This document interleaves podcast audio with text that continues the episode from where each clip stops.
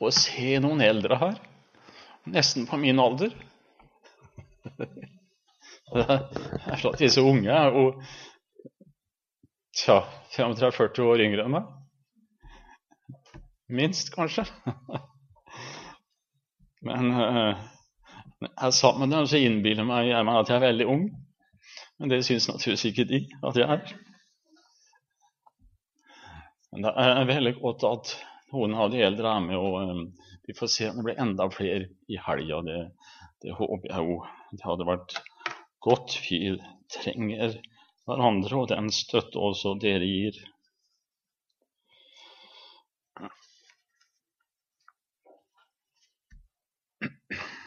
Skal vi be.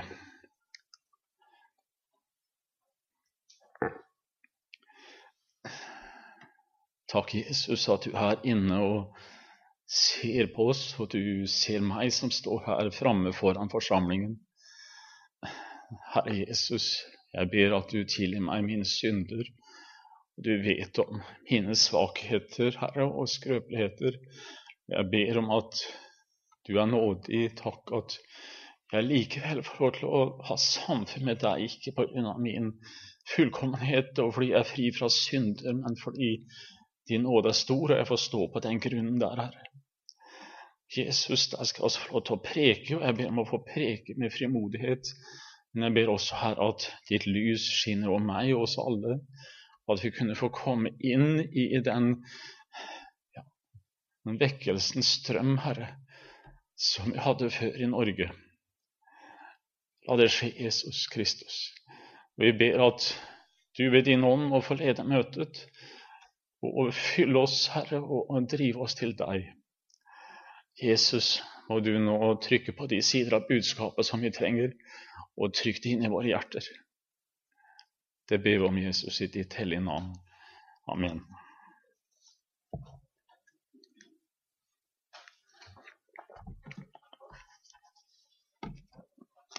Jeg har kjent at vi skal um, i kveld konsentrere oss om noen av sendebrevene. Jeg tror mange av elevene har vært borti det i løpet av året.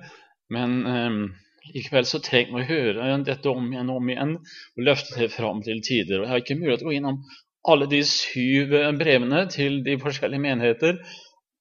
Men jeg skal eh, ta for meg det første og siste brevet til menigheten her i, i, i gamle Tyrkia, eller Lille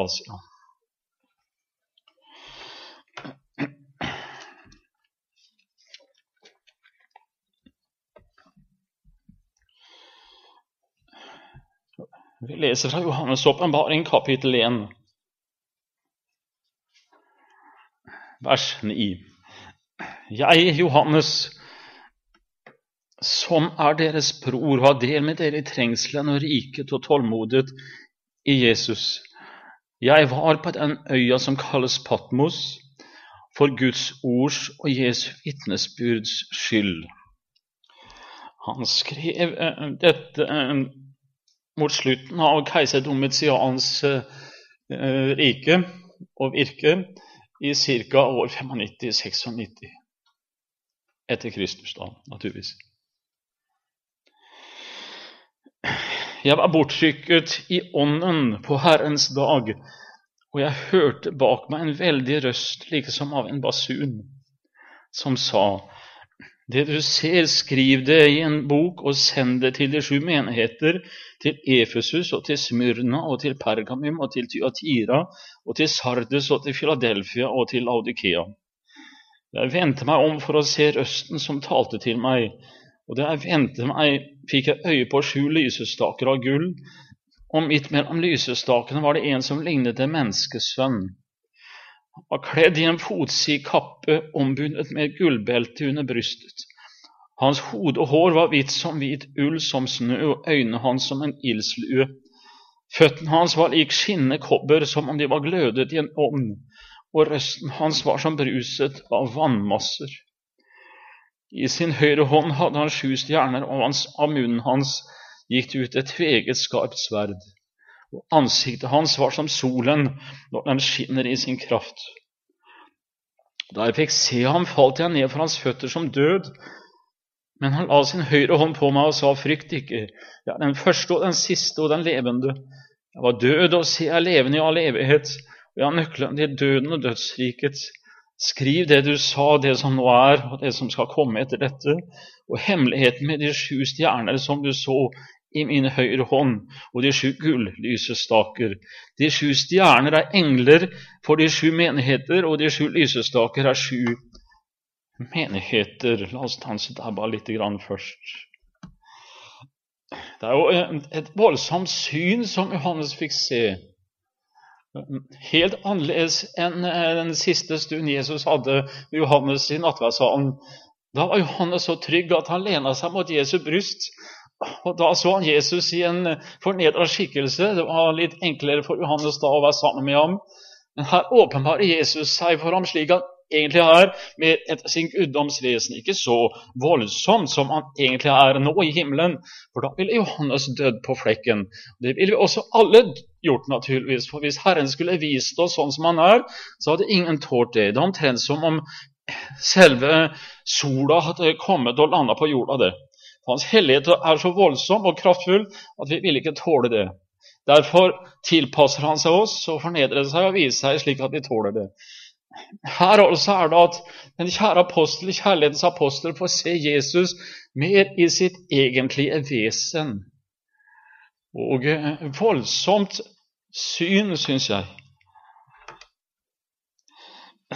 Vi kan ikke gå gjennom det, men skinnende gull. Et blendende hvitt hode og hår. Flammende ildsøyne. Føtter glødende som bronse en røst som veldig vann, og en ansikt som stråler som sola. Jeg kan godt forstå at Johannes falt ned og følte seg som helt forkommen, all energi forsvant fra kroppen hans. Det var som han døde der. Han orket ikke å reise seg. Veldig likt det Daniel opplevde også i sin sammenheng, som husker. Det er et kjempesterkt syn, men det vi kanskje ikke tenker på, det er at den samme Jesus møter du hver eneste dag når du kneler ned foran ham eller ber til ham og du leser hans ord. Den samme Jesus går omkring her inne og ser på oss nå. Den samme frelse som den gangen. Med de samme øynene. Og som holder menigheten i sin hånd stjernene, de sju, og som holder englene, som må være menighetenes ledere eller tilsynsmenn. Han holder dem fast, han ser, og så står det her at Jesus gikk imellom disse lysestakene og så nøye. Han så på hver eneste menighet og hver eneste medlem i menigheten. Og han går også her i benkeradene, og han ser på deg og meg. Han ser ikke minst på meg, som skal være en forkynner og lære for dere, for de skal få desto større dom, sier han gjennom Jakob. Men så ser han på oss alle, og hans blikk er som et røntgenblikk. Han ser tvers gjennom alt. Alle fasader, det du skjuler for alle andre, det ser han. Han ser tvers gjennom det. Hans blikk er voldsomt og sterkt, han vet om er en eneste krok i ditt liv. Og Det ser han hver eneste dag. Det nytter ikke å skjule seg for de øynene. Og så åpner han sin røst, og så sier han Jeg vet om dine gjerninger. Dette sier han som holder de sju stjerner i sin høyre hånd, han som går midt imellom de sju lysestaker av gull. Jeg vet om dine gjerninger og ditt arbeid og din utholdenhet, og at du ikke kan tåle de onde, du har prøvd dem som kaller seg selv apostler, og ikke er det. Du har funnet at de er løgnere. Du har tålmodighet. Du har hatt mye å bære for min navns skyld. Du er ikke gått rett, men jeg har imot deg at du har forlatt din første kjærlighet. Husk derfor hva du har falt ifra, omvend deg og gjør de første gjerninger. Men hvis ikke, så kommer jeg brått over deg, og jeg vil flytte din lysestake bort fra sitt sted hvis du ikke omvender deg. Men du har dette du hater nikolaitenes gjerninger, som jeg òg hater. Den som har øre, han hører hva Ånden sier til menighetene. Den som seirer, han vil jeg ete og gi av livets tre, som er i Guds paradis, sier han til sin første menighet i Lillehasia, Efesus. og en Efesus-menighet som bodde i et senter av oldtiden. For um, Efesus det var virkelig en storby. Det var oldtidens Oslo. Det var det stedet på en måte Kanskje mest kjente sted i, i, i den gamle delen av verden. Selv om andre også kan sammenlignes nesten med det.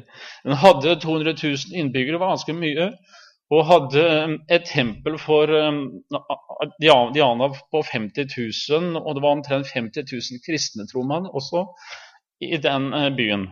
Ganske mange, for så vidt. En fjerdedel av byens befolkning var bekjennende kristne. Og um, var spesielt kjent for dette store tempelet til Artemis, som var et av de syv verdens uh, underverk.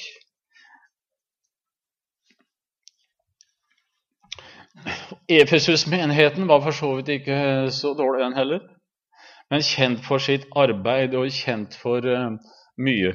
Og Det sier også Jesus her. For det første så sier han at uh, de var lojale mot læren. De var virkelig bibeltro. Og alle er jo ikke det. De hatet nikolaitenes gjerninger og, og, og, og hedens kultus. De prøvde de falske apostler. De avslørte det som var av løgn, og eh, hadde en, en, beskyttelse for så å si, forfall av vranglæren i menigheten. Akkurat som i Misjonssambandet, og akkurat som på Fjellheim. Og takk og lov for det.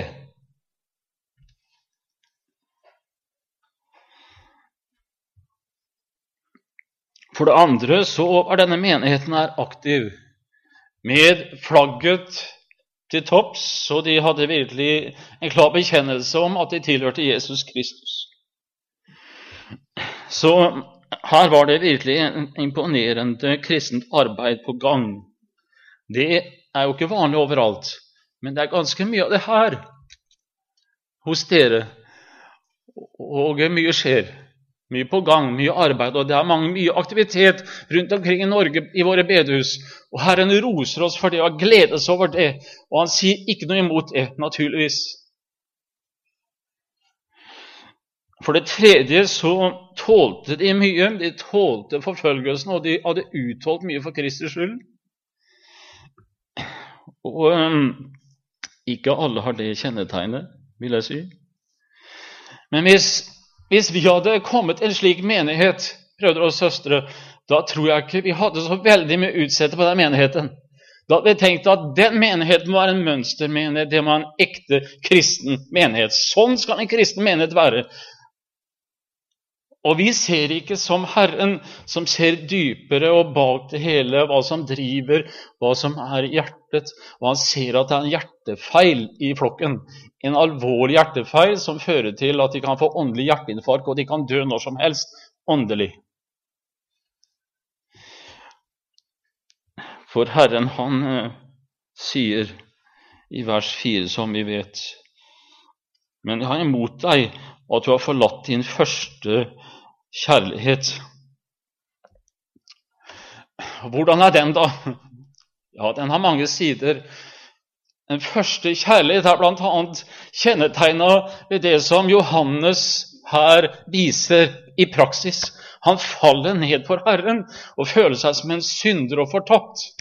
Han er ikke verdig til å være i hans nærhet. Og Når man kommer i den situasjonen at man er blitt en kristen, og man går på møter i en, selv, i en selvfølgelig liksom, strøm, setter seg ned på en selvfølgelig plass og synger sine sanger uten å være rørt, uten å tenke over at jeg er i nærheten av den hellige, voldsomme Gud, da er det et eller annet som har skurra her. Da er det noe som svikta. Når kristne går på møte etter møte, og um, første del av møtet bare er skravling og prat Det er greit med det sosiale, men det er aldri noe av denne respekten, nærheten, bli stille, lytte, være i bønn og være spent på hva Herren skal gi. Men det er bare å prate og prate. Når det er vekkelse, så opplever jeg også at folk kan komme sammen en halvtime før og bare synge sanger, og så noen vitner imellom. Da vil man være hos Jesus, være stille og konsentrere seg om det. Mens eh, vi må liksom nesten døyve og få forsamlingen komme til å roe seg litt, for nå skal vi ha kristent møte, og så prøver vi å holde forsamlingen i sjakk kanskje en time, et kvarter, og det er mer enn nok. Mens de menigheter som lever i vekkelse, de vil leve og høre og være i Guds nærhet, og, og vil helst ikke at møtet skal gå over. Men vi må tilpasse våre møtelengder etter folks tilstand, naturligvis. Men hvis vi hadde møtt Jesus Kristus her i kveld dere, og virkelig truffet ham sånn som han er, da hadde vi ikke gått hjem og lagt oss med en gang.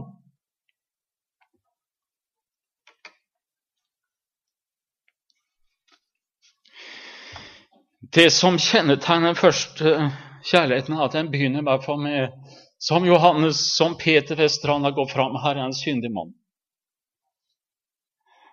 Jeg er ikke verdig til å være her i ditt hus. Her setter jeg meg ned, og alt er bare en selvfølge. Jeg blir kald og sløv og likegyldig. Det er blitt en vane for meg å fly på møter og høre ditt ord. Tenk at det er en vane å være sammen med Jesus. Og så ikke blitt liksom en hellig respekt at du kjenner på hvilket privilegium å få lov til å være sammen med Herren. Ja. Jeg skjemmes mange ganger over meg selv over at jeg kan stå her og preke, og så har det blitt en selvfølgende en vane, og det er min jobb, min tjeneste. Og så må Herren noen ganger liksom ta fra meg alle ting, så liksom jeg kommer helt på nullpunkt. Så det blir ikke noe igjen av Stein Solberg. Så jeg må gi fra meg tjenesten på nytt og på nytt og, og tenke at uh, helse og sånn holder ikke. Og så tar han meg inn til seg, og så kan han begynne sin gjerning igjen. Men når, når Herren da kommer til oss sånn, og vi får se hvem vi er, og han likevel sier 'Jeg elsker deg', jeg har nåde mot deg. Jeg er død for dine kristne synder og din overfladiskhet. Jeg er død for deg. Jeg vil ha deg. Og han tilgir deg, så du ser at du er en stor synder. Selv om ikke du har falt i grove, åpenbare laster, så lever du som en stor synder fordi du kommer hit inn og ikke elsker Gud. Og ikke er sammen med den respekt og ærbødighet som vi egentlig skulle ha. Og så elsker han deg, og så tilgir han deg det. Det er, det er der det begynner, brødre og søstre. Og Den som mye får tilgitt, elsker mye, sier han i Lukas 7. ikke sant? Og Herren har veldig mye å tilgi denne forsamlingen. Da snakker jeg ikke bare pga. at noen faller i pornografisk sex eller lever i pengekjærhet eller i baktalelse og, og lever i andre slags synder og laster osv. Men det verste synden er jo at ikke vi ikke elsker Herren. Og av det kommer alle andre synder. Det er ikke at ikke du hater ham, men det er ikke det du gjør, men du, han er blitt bare en selvfølge for deg. Han er jo der alltid. Selvfølge at han har nådig, at han er god, at han tilgir. Var det selvfølgelig at han døde på korset òg? Nei, det var en enorm overraskelse at den store Gud kommer til oss på den måten, på tross av oss, og vil ha oss og elsker oss høyt.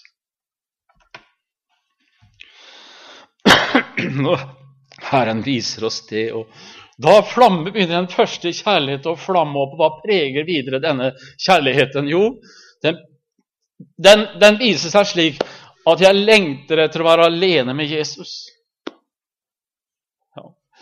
Jeg lengter å være sammen med Jesus og trekke seg unna, være alene med Jesus. Når han bruker en hel kveld på bare prat og ja, koselige, hyggelige ting. Det kan være noe direkte urent og sånn i det. Men altså, når, når alt sammen dreier seg om det, da kan en som er preget av den første kjærlighet, kjenne på jeg lengter etter å være alene med Jesus. Være stille hos ham, så han kan få meg en stund, så han kan få tjene meg opp, vaske føttene mine og elske meg tilbake. Jeg lengter etter å være alene med Jesus. Og i denne situasjonen og i denne tilstanden av første kjærlighet så blir synden akkurat som rusk på øyet.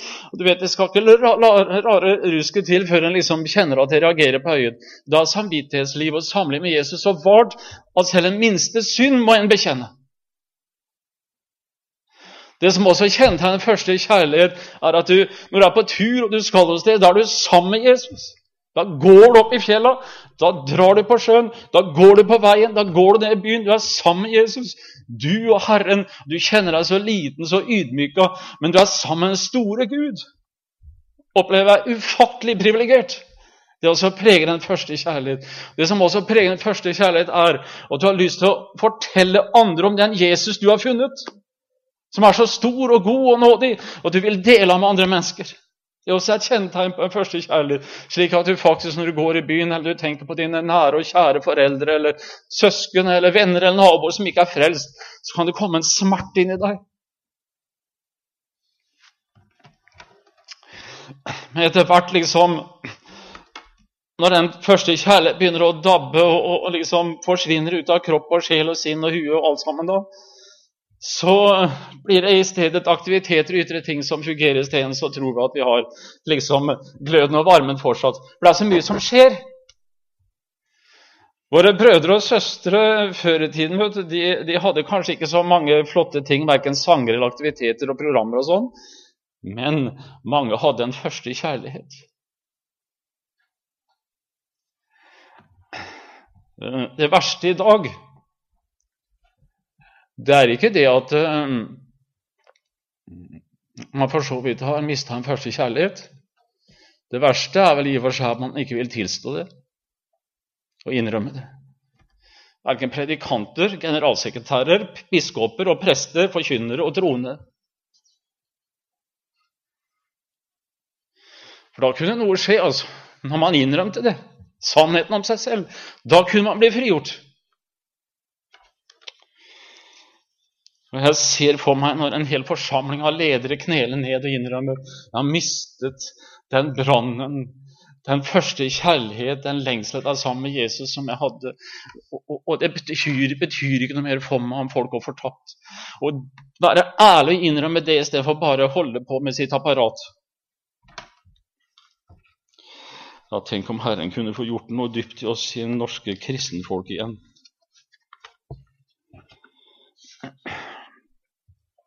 Hvis vi hadde innrømt ting, det vi har mista dere, da kunne vi få tilbake omsorgen for ikke-kristne. Og omsorgen kunne bli til en kjærlighet, og kjærligheten kunne bli til en nød og smerte.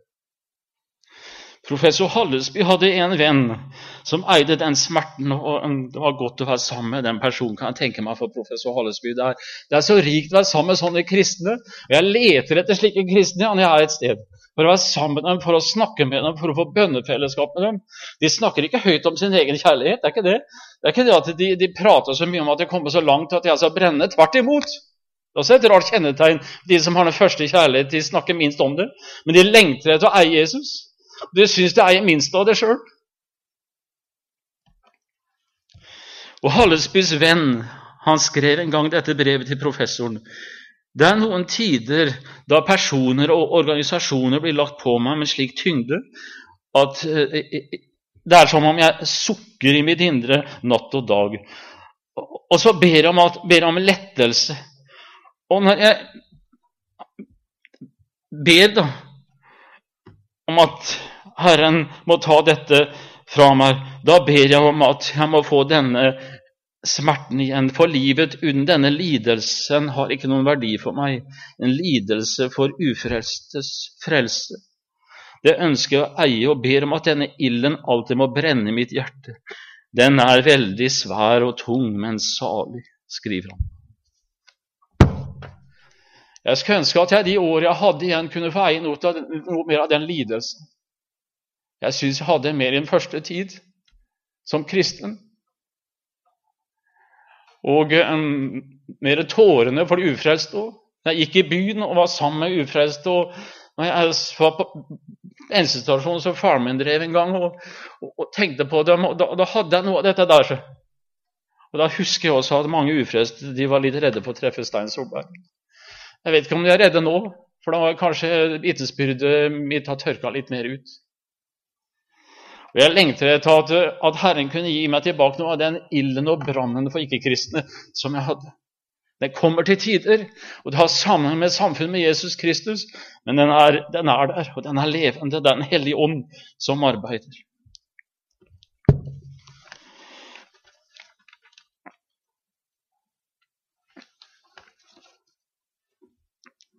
Jeg tror dette er et budskap til, eh, til oss, dere. Den første kjærlighet er som sagt mange ting. Men er, den er en lidenskap. Altså, vet du hvordan det er å være forelska? Har vært borti den følelsen? Det er klart at Forelskelse har jordisk sett har veldig mange svake sider, men det er en god følelse. Da dreier det seg om han eller hun. Altså. Da er livet bestående i å tenke på den andre og helst være sammen med han eller henne. Og snakke og se og dele og åpne seg og være sammen med sin kjære. Det er forelskelsen. Og vil bare gjøre godt for han og henne. Det er en lidenskap, og det har noe med det også, denne første kjærlighet ved seg, at det er en lidenskap for Jesus vil være sammen, høre ham, er stille for ham, følge ham, følge hans ord, følge hans vilje. Den lyst som er skapt innvendig av Den hellige ånd, som Herren har virka. En trang til å gjøre som han ønsker. For det er klart, hvis man elsker en person, så vil man ikke liksom gjøre stikk motsatt av at en person vil. Da er man opptatt av det og det og det ønsker den andre at jeg skal gjøre. Så fordi jeg elsker kona mi, så vil jeg gjøre det beste for henne. Gjøre det som ikke sårer henne, men gjøre det hun vil til enhver tid som mulig det er for en skrøpelig menneske og en mann på jord. Det er noe av første kjærlighet. Det er ikke alt, men det er noe. Denne menigheten i Efesus har mistet denne kjærligheten. Det er ganske dramatisk. For i det første brev til Efesus-menigheten, som ikke Johannes skrev, men Paulus skrev, der, der roser han de troende for nettopp troen og kjærligheten til alle de hellige. Da roser han dem for det. Så da var det veldig mye fint og riktig, men så hadde det altså skjedd noe forferdelig i mellomtiden, kanskje på de 30 årene siden det første brevet fra Paulus til dette brevet fra Johannes til menigheten.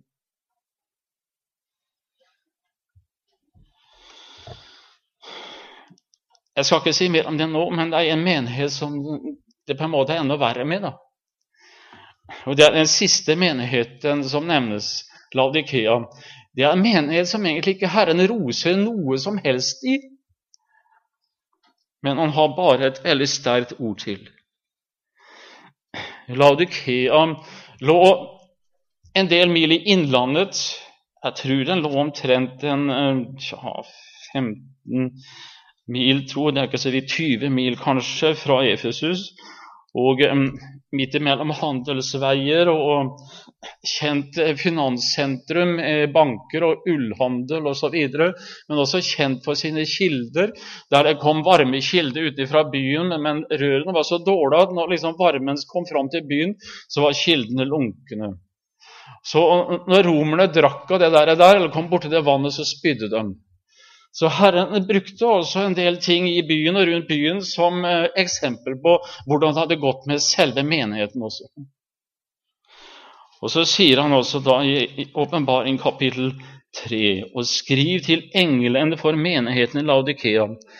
Dette sier Han som er Amen, den trofaste og sannferdige vitne, opphavet til Guds skaperverk.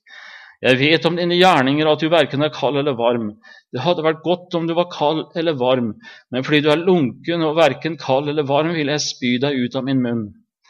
Fordi du sier jeg, jeg er rik, jeg har overflod og ingen nød, og du vet ikke at du er ussel og ynkelig og fattig og blind og naken så råder jeg deg at du kjøper av meg gull utret i ild, for at du kan bli rik, og hvite klær, for at du kan være kledd i dem, og din nakne skam ikke skal bli stilt til skue, og øyensalve til å salve dine øyne med, for at du kan se. Alle dem jeg elsker, dem refser og tukter deg, derfor ta det alvorlig og omvend deg. Se, jeg står for døren og banker. Om noen hører min røst og åpner døren, da vil jeg gå inn til ham og holde nattverd med ham og han med meg. Den som seirer, ham vil jeg gi og sitte med min, med, med min trone, med meg på min trone, liksom jeg òg har seiret og satt meg med min far på hans trone. Dette er en voldsom ord, og som du helt sikkert har stansa ved mange, mange ganger. Er altså tre grupper i denne menigheten. da. Det er de kalde, og de er de varme, og de er de lunkne. De kalde det er de som er helt uberørt av Herrens ild, som ikke var borte Jesus i hele tatt, ikke vet hva, hva, vi snakker om her. Det er mye mer håp for dem, fordi det er kortere vei til, til Jesus for dem enn de lunkne. Så, så Guido var kald. De mennesker som ikke har vært borti ilden og varme fra Jesus i hele tatt, de kan bli tiltrukket av ham når de møter virkelig ekte, varm, brennende kristendom. Og Den andre gruppa det er de varme, eller som det står om i Romerne 12, vær brennende i ånden. Det brukes omtrent samme greske uttrykk. Det er et sterkt ord. Det er nesten vanskelig å oversette. Det å være brennende ifølge Guds ord, det handler om å faktisk koke innvendig. og Sydende, kokende. Akkurat som et bilde du kan tenke deg. Man, I gamle dager hadde man en damptog som gikk rett og slett på køl.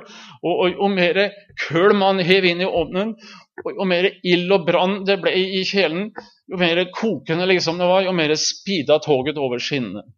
Det er en sånn en, en kokende kristen. Og det, det, som er så underlig, brødre og søstre, det er jo det at Paulus sier 'vær brennende i ånden', og at han mener faktisk at det er normaltemperatur for kristen. Mens vi i våre organisasjoner tenker at en kristen som er brennende ånden, det er en fanatiker, en hykler. Det er, det er et menneske som uh, liksom har forlatt den sunne lære. Det må være en, en herlighetsteolog, en forferdelig spent gærens karismatiker. Det må være en som vi må se og få ned på jorda, og, og som må holde seg der han skal være. Mens Paulus sier 'vær brennende i ånden'. Det er normaltemperaturen for en kristen.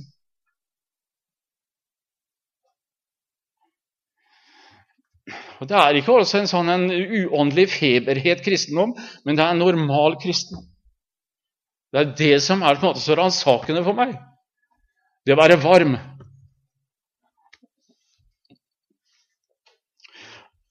Den øh, lunkne Det er enten den som er kald og som liksom så vidt begynte å bli litt varm, men er lunken. Eller har vært veldig varm og levende kristen en gang og kjølna ned og blitt lunken. Og mye kan sies om den lunkne. Men hvem er det egentlig, ifølge Guds ord, som er lunken? Den lunkne sier 'jeg er rik, jeg har overflod og ingen nød'. Det kjennetegner lunkne. Den lunkne er tilfreds og fornøyd med sin kristendom og, og, og eh, forteller aldri om den andre sida av seg selv. Lunken kristendom innrømmer ikke sin fattigdom, innrømmer ikke sine synder, sin kulde, innrømmer ikke engang sin lunkenhet. Men den, den, den sanne kristne bevarer ærligheten og dermed lengselen etter Jesus Kristus. Jeg tror den lunkne kristne er den mette, den selvtilfredse, akkurat som i Korint.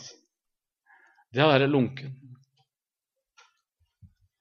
Frank Mangs han eh, forteller følgende fra et bønnemøte om den som er brennende, og den som også da er lunken til forskjell. Den som er varm og brennende og våken, har grepet av en hellig misnøye med seg selv, sier han. Han er aldri riktig fornøyd. Han kan aldri slå seg til ro. Han har ikke lyst til å trampe to dager i trekk på samme sted i sin åndelige utvikling. Han er stadig på marsj framover, stadig på jakt etter nye åndelige rikdommer og nye muligheter til å vinne andre mennesker. Han lengter etter å bli mer og mer våken. Jeg så dette så levende illustrert for meg på et sted for noen år siden. Jeg kjente personlig en stor del av menigheten og visste sånn noenlunde hvor de sto åndelig sett. Det var veldig gripende å se menighetens beste medlemmer gang på gang møtes i bønnerommet og be om mer lys og mer kraft over seg selv og sitt virke. En av de etter min mening mest åndelig våkne, varme sjelene i bygda lå på kne i et hjørne av salen og ba en brennende bønn om at Gud skulle vekke ham på alle områder og sette hans sjel i brann for sjelenes frelse. Han kjente trang til det. Da møtene hadde pågått ca. en måned, så reiste menighetens største hykler seg i et bønnemøte, sier han rett ut og begynte en salvelsestakk til Gud. Han hadde ingenting å be om, i hvert fall ikke for seg selv. Han hadde ingen nød i sitt hjerte, verken for sin egen eller andres frelse. Han var bare så ualminnelig vel tilfreds, i hvert fall med seg selv. Og Det var ikke så rart at en kulde senket seg over forsamlingen mens hykleren takket Gud. Mens de som um, var våkne, de, de vred seg i smerte men hykleren levde i en forunderlig fred. Han sov.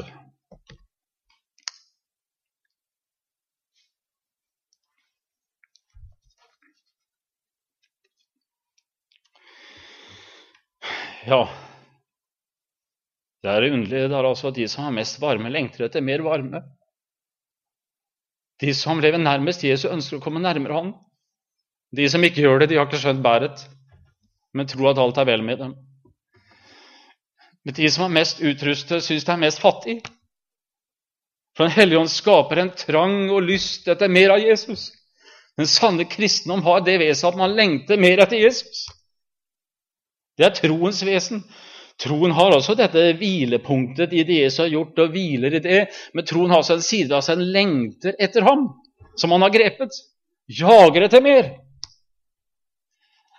Salig de som hungrer og tørster, sier Jesus, etter rettferdighet, for de skal mettes. Har du mista den tørsten og hungeren, så er det noe grunnleggende mangelfullt i ditt liv.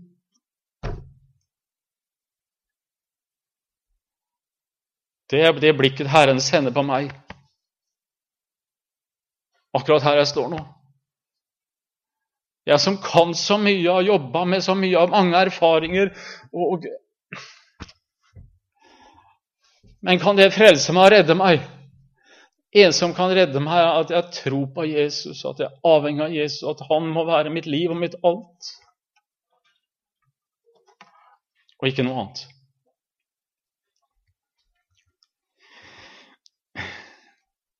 Det er en her inne, en her inne, og jeg vet om det, som eier den første kjærligheten.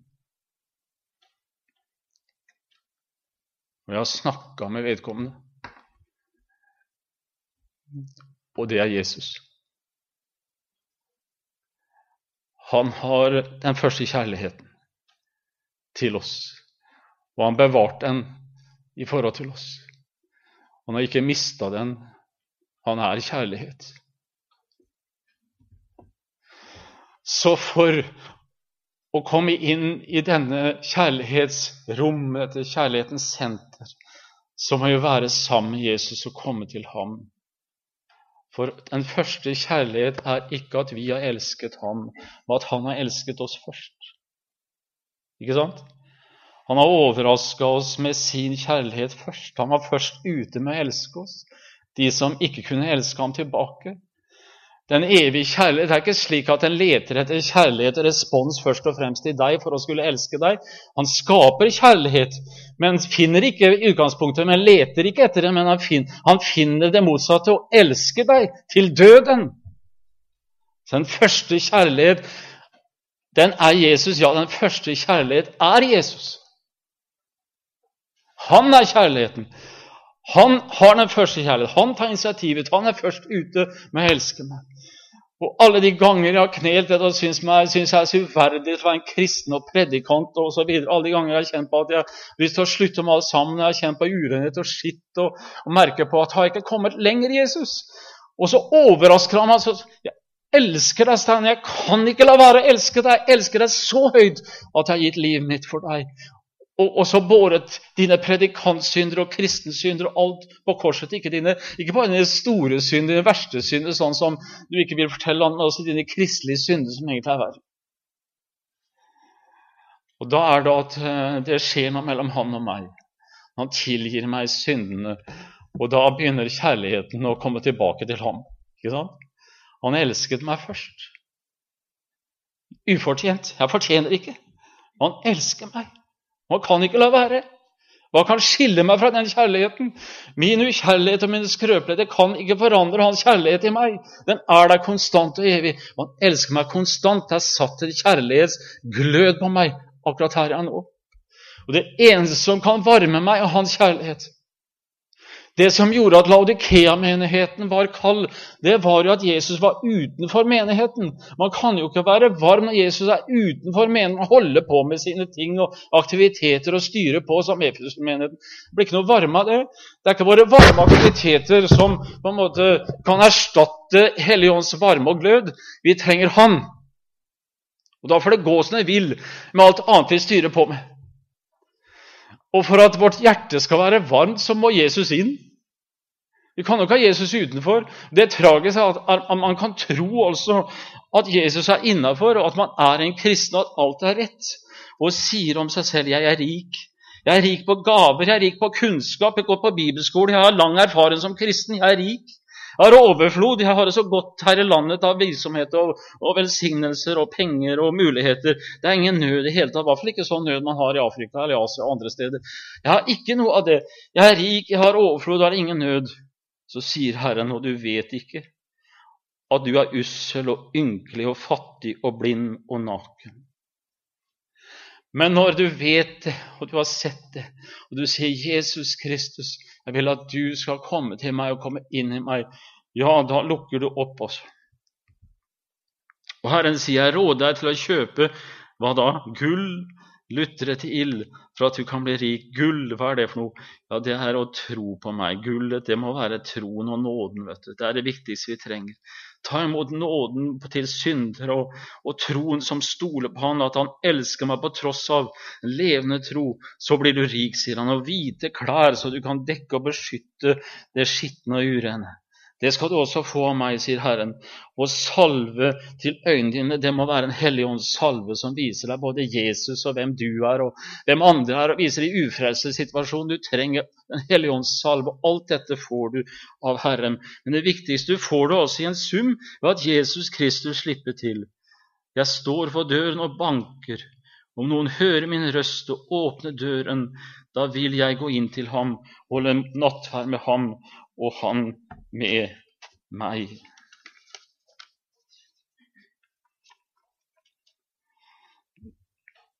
Hvordan blir vi da varme eller brennende? Ja, si det. Blir jeg noen gang brennende fornøyd nok at det kan bli noe, noe frelsesgrunn og noe som liksom jeg kan bygge på, som jeg er tilfreds med? Nei. Jeg vil alltid være en utilfredse, men jeg skal få lov til likevel tenke at Herren gjør et verk i meg. Det viktigste er at jeg ser Hans brann og glød og ild for oss og for meg. Så Han får være mitt liv, helt klart. Jeg trenger Jesus. Ikke bare for frelsen, men jeg trenger også Jesus for å elske Jesus. Jeg kan ikke elske Jesus uten Jesus. Jeg trenger hans kjærlighet for å kunne elske ham tilbake. Jeg må først få ta imot hans kjærlighet for å kunne gi tilbake til ham. Derfor sier Jesus til disiplene sine, 'Bli min kjærlighet. Bli der. Vær der, så kan du ikke unngå å bære frukt.' Bli det hele tiden. Bekjenn dine synder for ham først. Bli der i lyset og tro på korset og du lurer på om du er elsket av Gud, så, så gjør det som en, en mann uh, fikk råd om fra en gammel sjelesørger. Han følte at han elska Herren så lite. Da sa sjelesørgeren Kromacher Hvis Herren spør deg, kjære deg, så nevnte han navnet hans. Hvis Herren spør deg, elsker du meg, slik han spurte Peter om en gang. Da kan du snu på spørsmålet, og så spør du Jesus, men elsker du meg, Jesus? Hva slags svar får vi da? For Det er ransakende og krevende, og det er vanskelig å si noe annet enn at 'jeg elsker deg ikke som jeg skal, Jesus', når han spør 'elsker du meg'? Men når du snur på et spørsmål og retter det mot Jesus og spør 'men elsker du meg, Herre', da får du klart svar. Og han elsker deg som han skal, som han vil, av hele sitt hjerte. Og han vet hvem du er, og vet om dine mangler, og vet at ikke du elsker ham, og kan aldri helt elske ham som du skal. Du har en hjertefeil med deg. Men ikke i den grad som Efesus-menigheten, som liksom dekka over det med sine aktiviteter, eller til og med Efesus, eller Laudikea-menigheten, som, som uh, løy om seg sjøl. Og, og, mente at de var liksom så, så varme at uh, de skjønte ikke at de var fattige, nakne og blinde osv. Men hvis du er ærlig og innrømmer sånn som det er, så eier du denne sannheten. Selv med de manglene så eier du hans kjærlighet og godhet og nåde. Det, det dekker deg, og det, du er i hans strøm. Altså. For det er klart nå, og nå beveger jeg meg ikke helt inn på frelsesplanen. Det handler, handler veldig mye om livet og helliggjørelsen også. Men, men, det har noe med, med selve frelsen å gjøre. For kristendom her, og det å være forenet med Kristus. Og Det går jo ikke an å være ett med Kristus uten at man kjenner litt av Kristus i seg. Det er ikke det man kjenner som er frelsesgrunn, men det må være der. Derfor spør Paulus korinterne, kjære korintere, kjenner dere ikke at Kristus er i dere? Dere i Tromsø, Kjære eldre søsken, dere bibelskolelærere, dere boffere eller andre. Kjenner dere at Kristus er i dere? Han den store majestet, denne veldige Gud, denne ildens Gud, denne brann som han har. Kjenner vi ikke det, søsken? Hvordan kan vi tro at en slik levende Gud, oppstanden, frelse, bor i oss, og vi aldri registrerer det? Står det ikke at Jesus Kristus lever i oss, eller står det at han bare sover i oss? At vi blir frelst, og så legger Jesus å sove i sånn en sovetilstand inni hjertet? og vi merker ikke noe til ham før vi liksom er hjemme i himmelen. Står ikke at han lever, så vi kjenner ham og kraften av hans oppstandelse. Det er nøden mellom oss.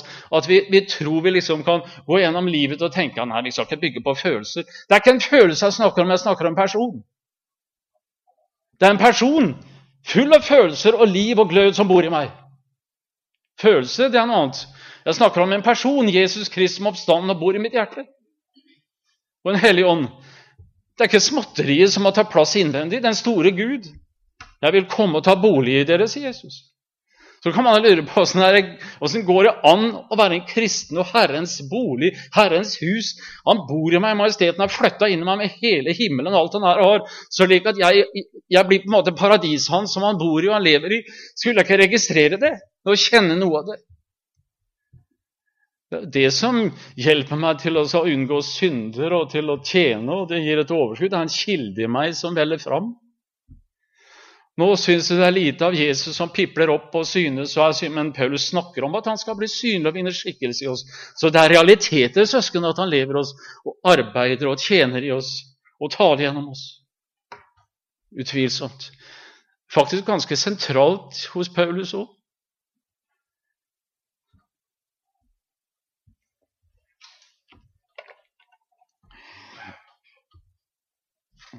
Derfor innbyr han oss først til å komme inn i ham. Så kommer han inn i oss. Han innbyr oss til å komme inn i hans frelse, inn i hans nåde, inn i hans kjærlighet, og være der. Jesus er her inne nå, akkurat som en hønemor som, som brer sine vinger over oss og kaller oss nettopp inn til seg. Hva skjer under disse vingene her? To ting skjer. For det første så beskytter han deg mot anklage og dom og djevelen som liksom vil ta Jesus bort fra deg omvendt og sa at han skyter sine piler på deg, du føler det ene og andre og lurer på om han er rett kristen. Alt dette er viktige, ransakende spørsmål, men det kan føre til at du mister frimodigheten og mister troen på at du er hans.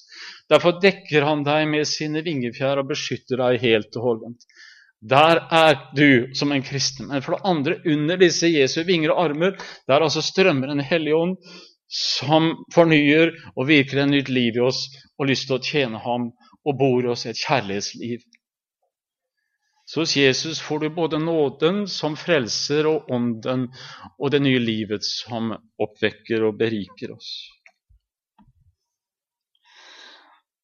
Men som sagt, altså, søsken Vi trenger å bli elsket for å kunne elske andre, for å kunne elske Jesus. Jeg må la meg elske og la meg bli stelt med, bli tilgitt. Og så vil det medføre et nytt liv og samliv med Herren.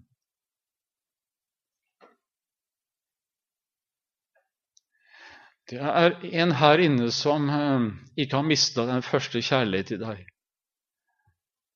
og som ikke vil miste deg. Han er uendelig, evig skal vi tørre det, forelsket i en hellig forstand i deg. Hvorfor? Jeg syns han har en merkelig smak. Han elsker også høyt. Men, men, det er hans sak. Og jeg takker for at det er sånn, at han elsker oss høyt. Du skal komme til ham i kveld og være hos ham i kveld og bare fortelle sånn som du er, og sånn som du har det. Og det er mange ting som drar i deg, og at kjærligheten er både sånn og du lurer på om den er lunken og, og, og kald osv. Og så får du lov til å løfte blikket bort fra ditt eget og dine mangler og se inn i Hans kjærlighet til deg, og det er det som kan vekke oss. Og så får dere be for meg at, at jeg kunne få lov til å leve mer i den brann og glød for Herren og mine medmennesker. Jeg lengter etter det og ha et større lys i ordet og mer kjærlighet til mine medmennesker og de jeg preker for. Og, uten at jeg skal fremheves, men at, at Herren får lov til å bruke meg mer. Det ønsker jeg. Jeg ønsker en ild, en vekkelsens ild i mitt indre, en brann også. Tårer gjerne for ufrelste. Ja, en frigjorthet på det området jeg lengter etter.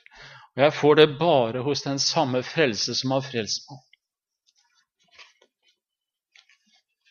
Så jeg håper at det er noen her inne som eh, tar imot det jeg sier, og ikke bare sitter og forsvarer deg med forskjellige innvendinger mot en sånn preken.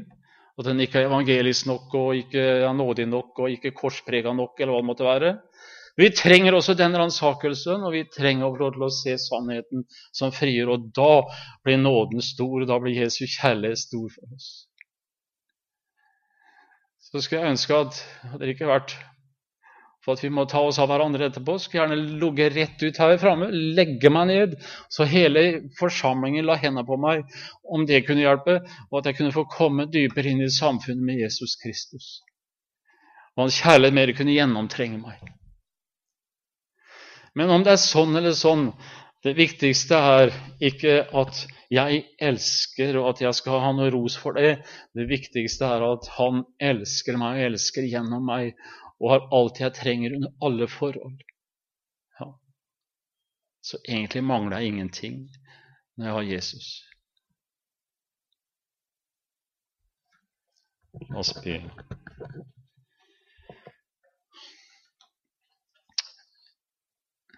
Jesus, du vet at um, det er vanskelig å få fram balansen her i dette budskapet, dette sterke budskapet som du hadde til de to menighetene her, og de andre også. Herre, du sa til menigheten Jesus at det skulle vende om til deg, som har den første kjærlighet. Og du sa til Ladikea-menigheten at de skulle lukke opp for deg, som nettopp er varm og brennende. Vi ber deg, Jesus Kristus, at vi kan lukke opp ved å være ærlige, være i sannheten, og vi ber at ditt lys skinner på oss. Og takk at det samme lys som avslører oss, det samme lyset varmer oss og gjør oss brennende. Herre, åpne våre øyne, og la oss også se at du har tatt på deg all vår sløvhet og lunkne på korset, blitt dømt for det, du har gitt oss en mulighet til å komme til deg med alt sammen, og du er ikke overrasket over noen ting. Men kjære Jesus, vi har sett så mye nåde, vi har hørt så mye preget om evangeliet også i denne forsamling. Men her er mange lever veldig sløvt allikevel. Vi ber at også ikke bare nåden prekes, men at både nåden og sannheten prekes her, i skjønn forening, slik at sannheten kan avsløre og nåden kan tildekke og beskytte oss. Kjære Jesus, vi ber om at det blir en vekkelse i våre liv. Vi ber om det for hele Tromsø, for landet vårt.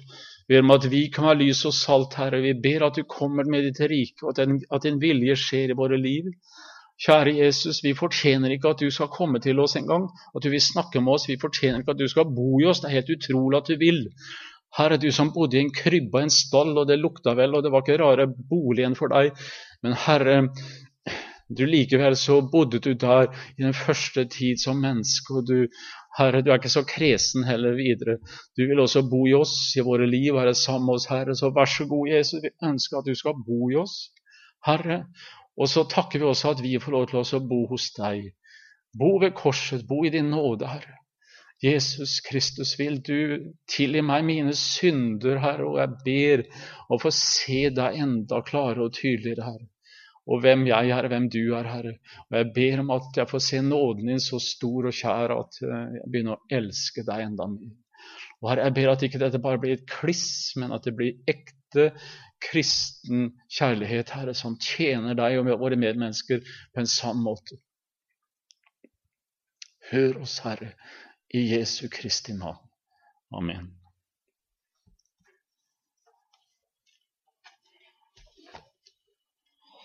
Broder Erlend, vil du synge?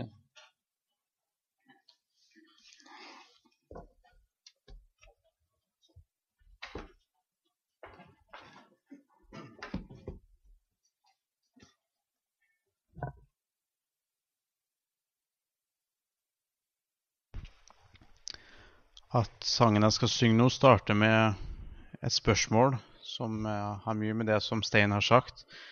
Har du intet rom for Jesus, så står det det i vers 2. Men du har rom for lysten, rom for verden, rom for syndig tidsfordriv, men bare ikke rom for Jesus. Han som ga sitt liv for det. Men det er heldigvis ikke for seint. Sånn som det står i vers 3. Husk, i dag er nådetiden. Du må ei forspille den. Vi har fått et stort løfte, som, som Stein nevnte, i, som Jesus sier i Johannes' åpenbaring 3,20. Se, jeg står for døren og banker. Om noen hører min røst og åpner døren, da skal jeg gå inn til ham og holde nattverd med ham, og han med meg.